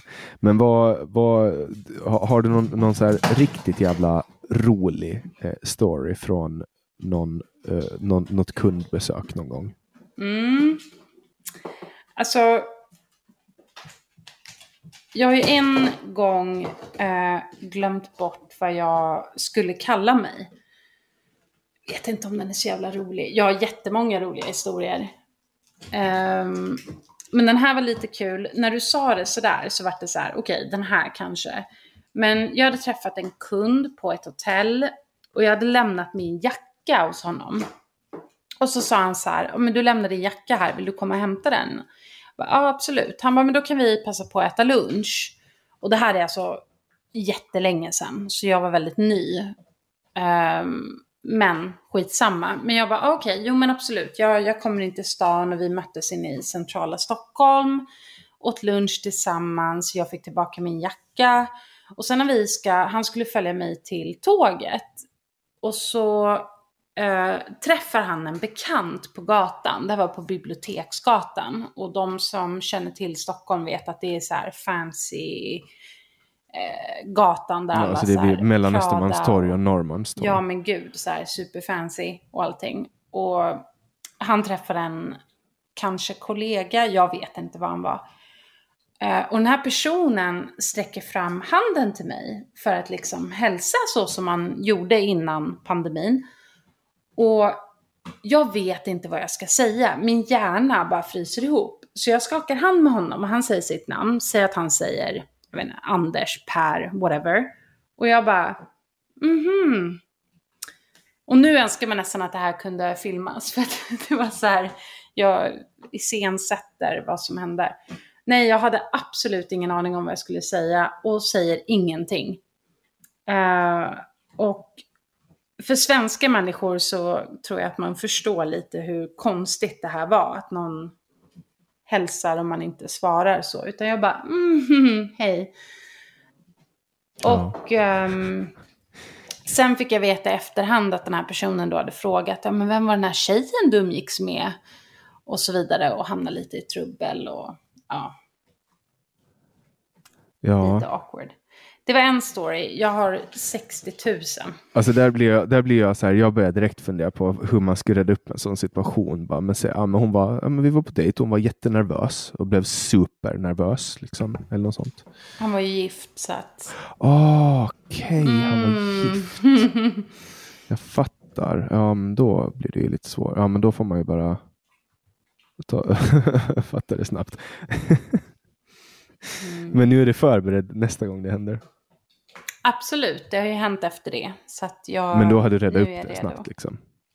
Ja, Hur hade du räddat det då? alltså med kund har jag träffat deras bekanta och då har jag bara presenterat mig som Lisa. Ibland har de förvarnat mig innan och sagt att vi ska göra upp en story. Eh, Jag är oftast obekväm med det, men det händer att för folk jag känner så kan jag ställa upp. Men annars så är det kanske lite svårare när jag träffar på folk när jag är med folk jag känner. Ho- Hostpaus igen eller? Vad sa du? Var det hostpaus igen eller? Ja, eller min hund. Du, kan, du behöver inte muta heller. Det är en del av, Okej. miljö, en del av miljöljudet. Liksom. Jag, gör, jag gör det lätt för mig själv som, som klipper. Eller som Mm. inte klipper. Jag försöker minska klippningen. Men du kör ju också en podd. Inte lika Mm. ofta som mig, men du har en podd. Nej, absolut inte. Berätta lite om din podd. Alltså jag pratar mest om mitt liv och eh, det hände väl lite efter att folk sa att "Ja, men du har en trevlig röst och du borde göra en podd och så. Och så började jag med det och folk uppskattade. Och sen hände det att jag bjöd in gäster och då gjorde jag det till en, vad jag kallade för bloggpodden. Och då var ju det grejer jag släppte för alla och inte bara på Patreon. Och där har jag haft med Patricia och Emma som du har pratat med och eh, Micke Jelin och lite andra. Där vi har pratat om allt ifrån varför fackförbundet gick åt skogen, psykisk ohälsa, medborgerlig samling och så vidare. Mm. Eh, men den här podden som du har nu tillgår man genom din Patreon. Ja, alltså nu har jag varit lite dålig eh, på att lägga upp någonting på, på bloggen. Så ja, det är nog där. Men eh, jag funderar på att göra någonting mer om psykisk ohälsa. Känner du att det är ett stort problem? För jag upplever att det är så jävla jobbigt för unga män idag. Alltså, psykisk ohälsa är ju inte lika inne att prata om längre. Jag vet inte varför, men det går ju trender i allting. Mm. Eh, men jag skulle säga att alla har det svårt. Alla har det jobbigt just nu. Och jag tror också att det delvis har att göra med, jag tror att mycket av den psykiska ohälsan eh, grundar sig i vad vi äter Och det, det är väldigt Mm -hmm. det är konstigt för, för människor att höra det här, men det är ganska rimligt om man tänker efter. Och jag kan ju bara prata från, från mig själv och mitt eget perspektiv, men jag har ju kämpat jättemycket med hälsa och psykisk ohälsa och jag har mått så jävla dåligt. Jag mådde så dåligt att jag försökte ta livet av mig 2014 eh, och, och, var inne på sjukhus liksom 300 vårddygn det året. Eh, och så jag har tagit mediciner för så olika psykofarmaka och jag har liksom testat massa olika saker genom åren. Och det som har funkat bäst för mig det är när jag tränar och när jag äter eh, ensidigt. Alltså ens mm. folk säger att man ska äta en mångsidig kost, men jag mår bra när jag äter en ensidig kost. Och det handlar om mm. att försöka få magen att hålla ihop och så vidare. och så vidare. Och Jag har också testat långa perioder av fasta och sen introducera mat och kommit fram till att, ja, jag introducerar mat långsamt, att när jag äter ketogent, alltså det vill säga 80 energiprocent kommer från fett och resten kommer från mm. protein. Mm. Och när jag äter mycket kött, alltså gräsbetat, välhanterat, bra färskt mm. kött, helst rått, då mår jag bra. Och så fort jag introducerar socker i den här mixen, då börjar jag må dåligt. Och, och då får jag ångest. Och det där, är, det, där går, det där slår inte fel. Det är samma sak med mina axlar och mina knän. Jag har eh, impingement, alltså det vill säga en, en muskel på utsidan av axeln som heter supraspinatus fastnar under ett, liksom en den liksom kläms fast under mm. Ett ben och som heter skalpula. Och när man lyfter armbågen så fastnar det här och det gör jätteont. Och ibland, ibland funkar det, ibland funkar det inte. Men när jag äter socker då blir det svullet precis just där Men och så funkar Gud. det. Och det är samma med knäna. Jag kan inte stå på knä och jag kan inte använda mina ben på ett vettigt sätt om jag äter Vad mycket socker. Sjukt. Och, och Den här kopplingen har jag gjort genom att föra dagbok och genom att testa och hitta fram. För att när man stoppar i sig, man kanske säger, jag 2015 och när jag hade kommit ut från sjukhuset, jag åt onyttigt, jag tog mediciner, jag tränade inte, jag eh, åt kanske, det är väldigt svårt att veta av allt man stoppar in i kroppen, vad är det som gör att jag mår dåligt? Men det är mm. två saker jag hittade, bland annat socker och så är det vegetabiliska fetter. Alltså rapsolja, solrosolja. De de sakerna får mig att må dåligt och det påverkar mig också psykiskt. Jag mår skitdåligt när jag vaknar. Och det, är, det är väldigt lätt om man förklarar för en människa. Så, ja, men tänk dig när du vaknar upp dagen efter när du dricker alkohol. Mm. Man har kemisk ångest, brukar man kalla det då. Mm. Men, men där, där tror jag att kosten har en stor del i det här, hela den här balansen. Sen tror jag också att vi, vi tar väldigt lite tid till att göra det som är naturligt. För det är inte naturligt för människan att sitta stilla framför en dator och bara mm. titta. Utan det är meningen att vi ska vara ute bland eh, natur. Vi ska vara ute i naturen, vi ska hålla på med djur. Det är väldigt viktigt tror jag för vår hälsa att vi håller på med natur och, där vet jag, och djur. Och där vet jag också av egen erfarenhet att när jag började med hästar, vilket inte alls är så jättelänge sedan, det är två, två och ett halvt år sedan, då blev min ångest mindre. Och nu är det en påtaglig skillnad. Om jag åker till mina hästar och hänger med dem eller åker ut med min kompis Jonas och rider eller uh, om jag kör travhäst eller om jag är på trav. Om jag är runt hästar så mår jag bra. Jag kan till och med åka och mocka eh, en hästbox och må bättre. Mm. För jag mm. vet att när hästen kommer in så blir den glad och då har jag gjort någonting bra. Och, och, och det där är också någonting som minskar min ångest. Och jag tror att bara från egen erfarenhet och såklart, det finns vissa av de här sakerna så kan man backa upp rent liksom vetenskapligt. Hörni tjejer, tysta! Jag sitter och spelar in. så, så, de bryr sig jättemycket. Ja, de är så här, de, de, bara, de bara, vi vill eh, också vara med i den här diskussionen. Kom igen Nej, men så att, och där märker man liksom att där kan jag se så här att ja, men här har min ångest minskat och då tänker jag mig att då är det antagligen samma för alla. För jag tänker mig att, och det finns väldigt mycket evidens för det, att om man tränar 15 minuter om dagen då, eller en halvtimme om dagen höjer mm. sin puls till över 100 slag per minut, tror jag, eller 100-110. Mm. Då får man ut väldigt bra liksom, antidepressiva effekter så här, mm. mot, som hjälper mot inte mot en klinisk depression, där ska man ta mediciner då såklart, men mot, det, det har sådana effekter. Positiva effekter helt enkelt. Mm. Och därför tänker jag att alla de här sakerna har det och, och då är det en ganska normal, alltså en ganska, så här, min slutsats blir att ja, men människor mår dåligt för att de lever onaturligt. De sitter okay. i en betonglåda och tittar på en dator. Mm. Ute i skogen med en häst liksom, och en hund. Titta. Ja, men för att när man tänker på psykisk ohälsa så slås jag av liksom att är det så att man lever mer ohälsosamt, vilket är din teori, eller är det så att vi upptäcker oftare, vilket, och jag tror lite att det är en blandning av båda. Att man liksom, det är mer öppet nu att vad är det som orsakar det, hur mår du och så vidare. Att eh, den psykiska ohälsan troligtvis har funnits mycket längre, men att man helt enkelt inte har haft samma sätt att liksom upptäcka det på.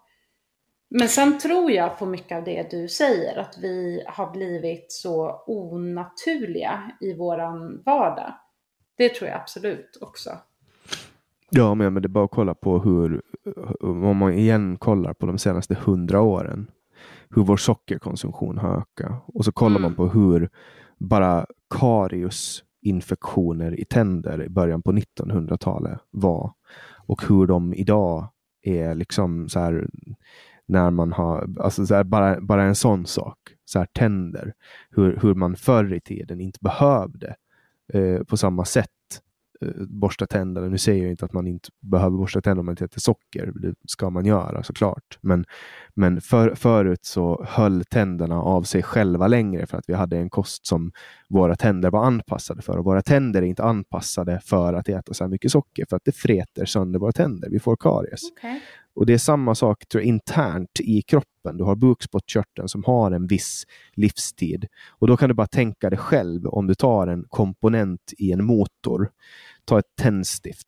Om du använder det tändstiftet jätte, jätte, jätte ofta och jättemycket, du tänder jätteofta, du kör runt mm. med bilen, då kommer du att förkorta livstiden.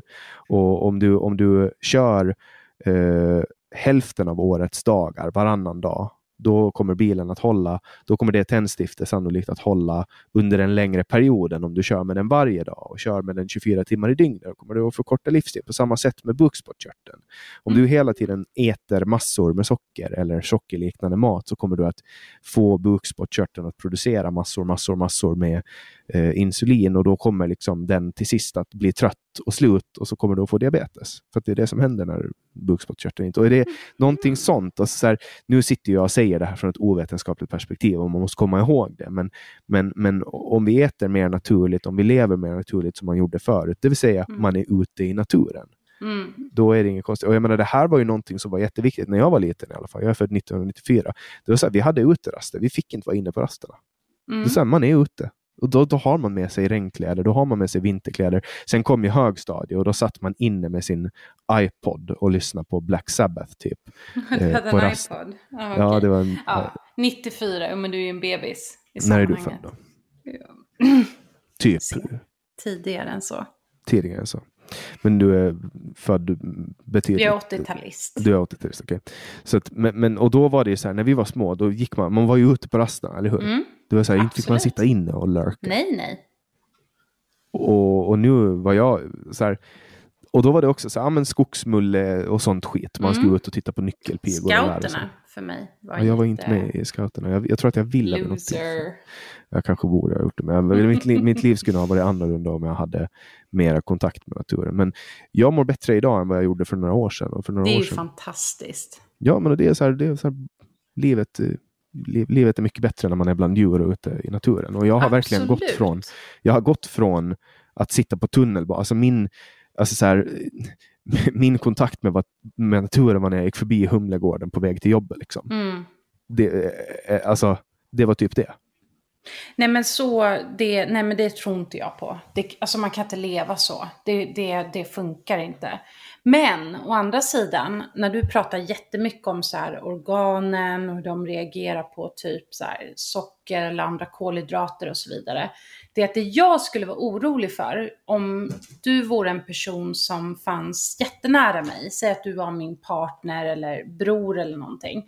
Då hade jag varit orolig för att man byter bort eh, psykisk ohälsa eh, mot en annan. Alltså att man typ väljer att istället fokusera på någonting så hårt att man blir, för att liksom vara besatt av någonting.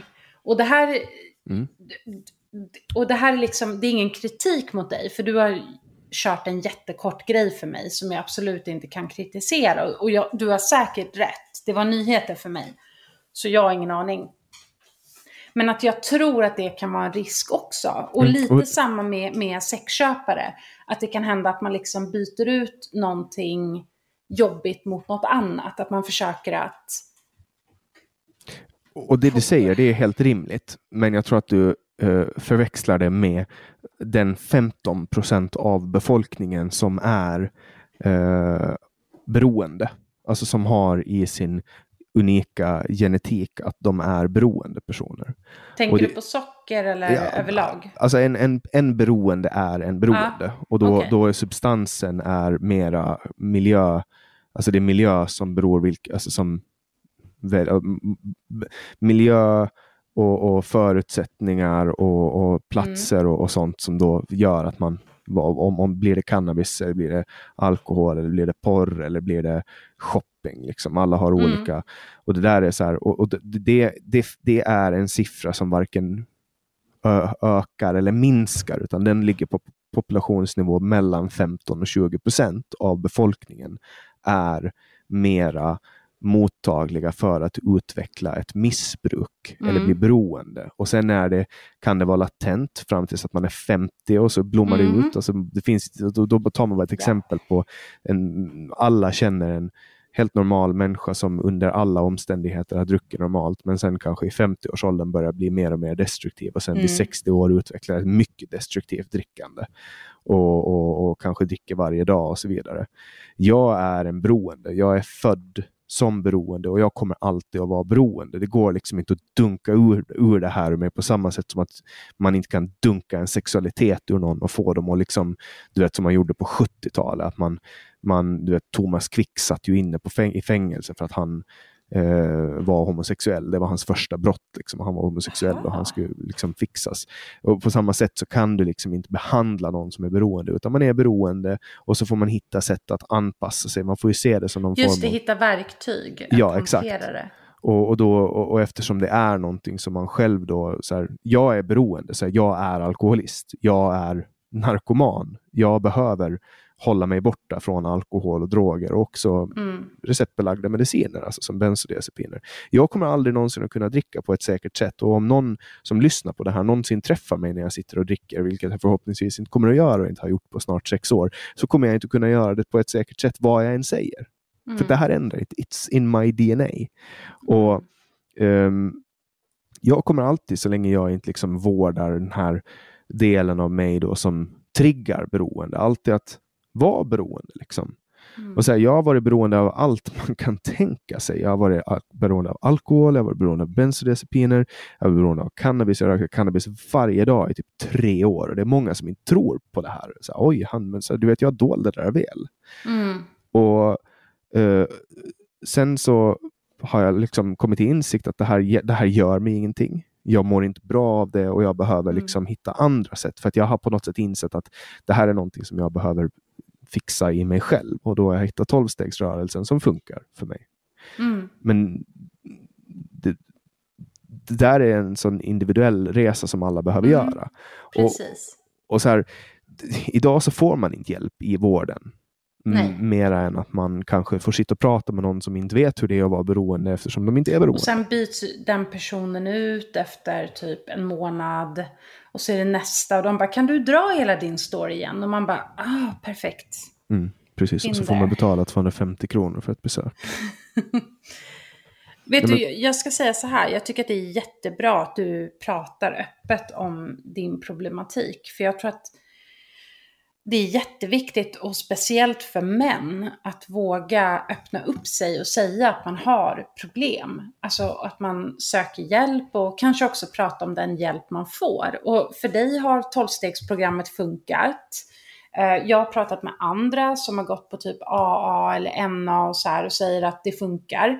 Även om jag personligen tycker att det låter lite så här sektliknande men om det funkar, vem bryr sig? Mm. Det är en vanlig, det, det, är en också jättevanlig missuppfattning, men det, ja. finns, det finns ju ett visst antal kriterier man måste uppnå för att det ska vara en sekt och det är att det ja. måste finnas en ledare och i AA jo, så men, finns det Jo, men liksom. absolut. Men just det här, det är lite så här religiösa, att man typ ska säga att det handlar inte om mig, det handlar om en annan kraft som styr mig. Uh, att man tar bort uh, sitt eget ansvar. Men det här har jag fått inte rättat, men snarare eh, berättat för mig vad det faktiskt innebär och så. Så att jag är superpositiv till det. Du får komma Jag med bara- på ett öppet A-möte någon gång. Men exakt, det sa den här personen också. Att jag skulle haka på. Därför att jag har nog fel bild och så vidare. Oavsett, det spelar ingen roll. Vad jag menade var att oavsett hur man liksom hittar hjälpen så är det ju positivt om det hjälper. Sen spelar det ingen roll om vissa aspekter kan upplevas av en del personer som lite så här udda. Eh, eller något annat. Har det hjälpt dig så är jag jätteglad. Och jag tycker bara att det är positivt att du pratar om det öppet. Det är jättebra. Ja, och det där är också sånt som är liksom, nu är, jag, nu är det det enda jag någonsin vet. Så här, folk brukar säga precis som du, ja, det är bra att du pratar om det, men för mig, jag har alltid gjort det, så för mig är det bara, det hör bara liksom till att det, det är det naturliga. Mm. Eh, jag vet inget annat än att vara liksom helt öppen. Um, men, men just när det kommer till beroende så finns det liksom, alltså i början, vet, jag kunde inte ens Alltså i, så här, bör, de första tre åren så kunde inte jag dricka en alkoholfri öl för att det påminner mig för mycket. Men, Mm. men nu, nu kan jag sitta ner och, och dricka en alkoholfri öl utan problem. Jag kan till och med, trots att jag har varit beroende av cannabis, så kan jag liksom rulla upp en CBD-joint. eh, du vet, jag, jag, jag, jag hade med Aydin Darcini för, för några veckor sedan. Som är, han har startat en, en, en hemsida och en webbshop som heter Nordic Medcan. Och han har skickat Men hem gud, det är min bästa kompis. Ja, han är helt fantastisk. Han, Han är är så jävla cool. Ja, han, är också, han äter ju också bara kött. Men han har skickat hem så här hampapads åt mig. Och de ser ut som cannabis. De Mm. ja, luktar och de som cannabis. luktar. De Man öppnar dem och hela rummet bara... jag har också fått hans grejer. Och alltså jag bara... Det kommer tillbaka till min när jag var typ så här 19-20. Och när det här liksom var... Jag rökte jättemycket. Jag har använt massor med droger. Aldrig i ett slags... Jag skulle inte kalla det ett missbruk. Utan det var så här... Riskbruk eller, eller Du bruk. kan kalla det det. Jag skulle säga bruk. Alltså, det var bara så här, det var kul, det är en rolig del av mitt liv som jag har lämnat bakom mig. Men så får man hem hans jävla buds och man bara, oh my god, det är som att åka tillbaka i tiden. Mm. Och, Men visst blir det jag så här- gjort te på det och Ja, det är grejer. jag, jag tycker de är helt otroliga. Jag tar nu på kvällen eh, så rullar jag upp en och så här, det jag känner, det är så här, man blir ju inte stenad på något sätt. nej, nej, Men, nej. men jag kan ändå uppleva att en del av min ångest bara liksom försvinner. Det blir lite lättare av att röka det här. Och jag vet inte om det är placebo eller om det är någonting i CBD, men funkar det så funkar det. Så nu har det blivit min kvällsrutin att jag rullar upp en, en, en CBD-spliff från Nordic Fan Medcan. vad nice. Ja, men de är, jag, jag tycker det där Jag är... kan också rekommendera Nordic Medcan. Jävlar alltså. Jag har också provat deras... ehm, ehm, ja, jag har ju fått själva budsen och allting. Och det doftar sjukt gott. Och har gjort... Tyst! Och har gjort... Tyst! Nu ser han en hund igen. Winston!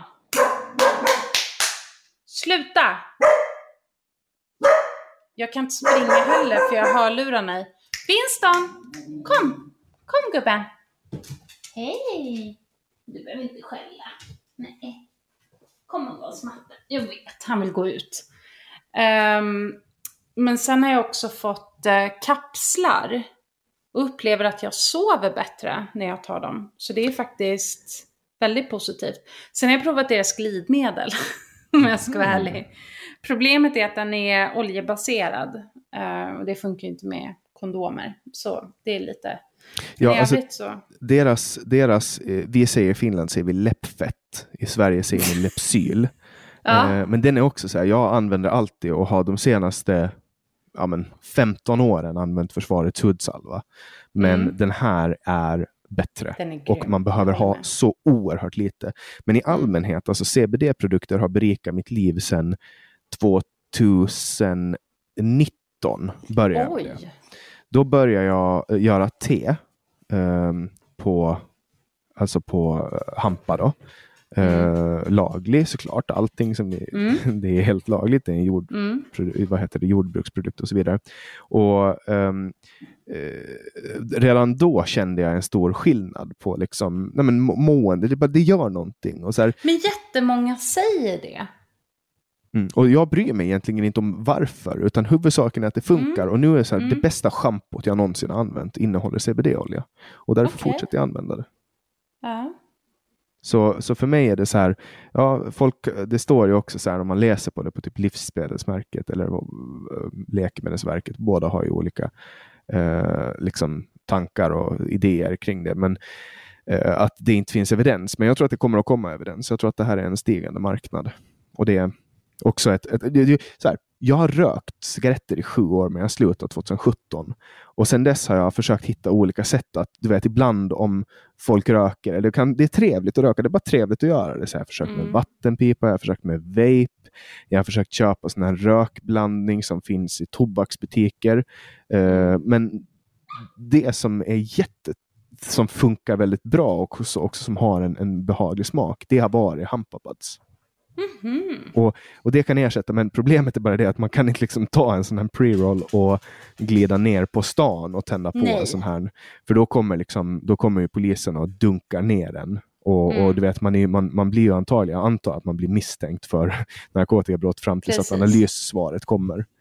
Och grannarna kan nog tro det om man bor på det sättet också. Mm. För som sagt, de luktar ju äkta liksom. Så det är, det är lite, det är lite så riskfyllt. Ja, alltså just, men sen kommer ju labbsvaret och då blir man ju friad såklart. För mm. att det är ju helt lagligt. Det är ju en laglig mm. jord, jord, jordbruksprodukt. THC-nivån ligger ju under det som är liksom brottsligt och så. Så att det är ju det är ju fullständigt legit. Men nu kommer nog Aidin bli lite upprörd på oss båda. För tydligen så får man ju inte prata om medicinska fördelar med CBD. Ja, men jag har ju, jag vi har ju bara pratat om hur det, hur det eh, relaterar till eh, oss själva. och, jag, okay. och jag har haft den diskussionen med den också. För att jag, jag vill ju så här, jag tycker att den här produkten är fantastisk och vi har diskuterat ett samarbete. Liksom, kan, vi, kan vi på något sätt få igång något samarbete? För mm. så här, det här funkar för mig. Jag har ingen evidens för att det, det liksom gör något på riktigt. Det kan vara placebo, men för mig spelar det ingen roll. Mm. Det är så här, om, om, om jag är sjuk och jag får en tablett uh, och den tabletten gör mig frisk, då spelar det ingen roll om den har gjort mig frisk på riktigt eller, eller om det är för att jag har trott på det, att det är mm, placebo. Mm. Mm. Så I don't give a fuck. Jag påstår inte att det finns medicinska uh, egenskaper och, och, därför så är det inte olagligt. Mm. Okej. Okay. jag tror bara det är bara om man säger att det har det, då klassas det som ett läkemedel. Mm, det är väl det som är lite, ja det var någonting sånt där lite dålig koll.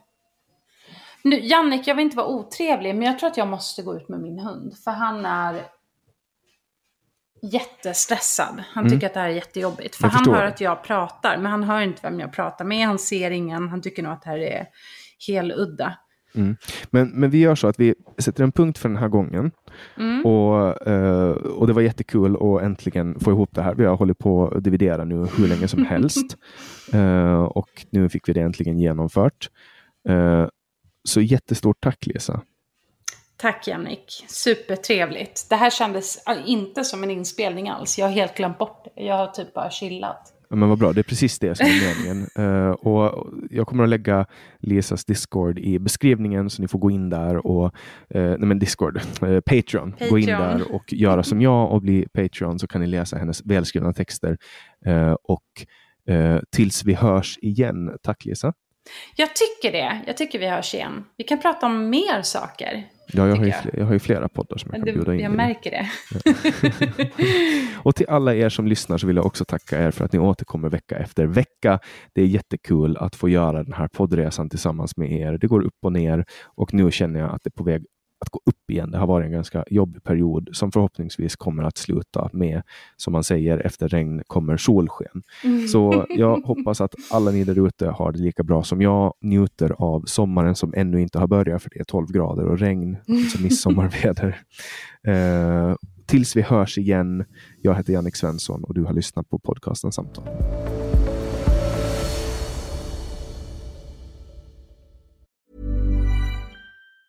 Even on a budget, quality is non-negotiable. That's why Quince is the place to score high-end essentials at 50 to 80% less than similar brands. Get your hands on buttery soft cashmere sweaters from just 60 bucks, Italian leather jackets, and so much more.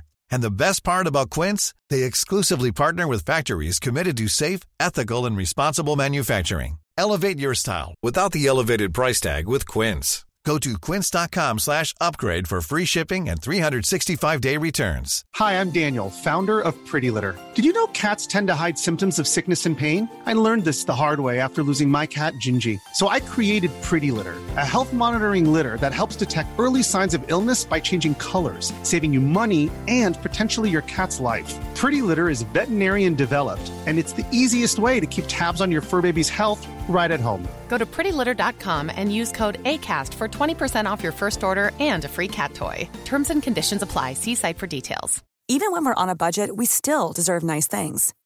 Quince is a place to scoop up stunning high end goods for 50 to 80% less than similar brands.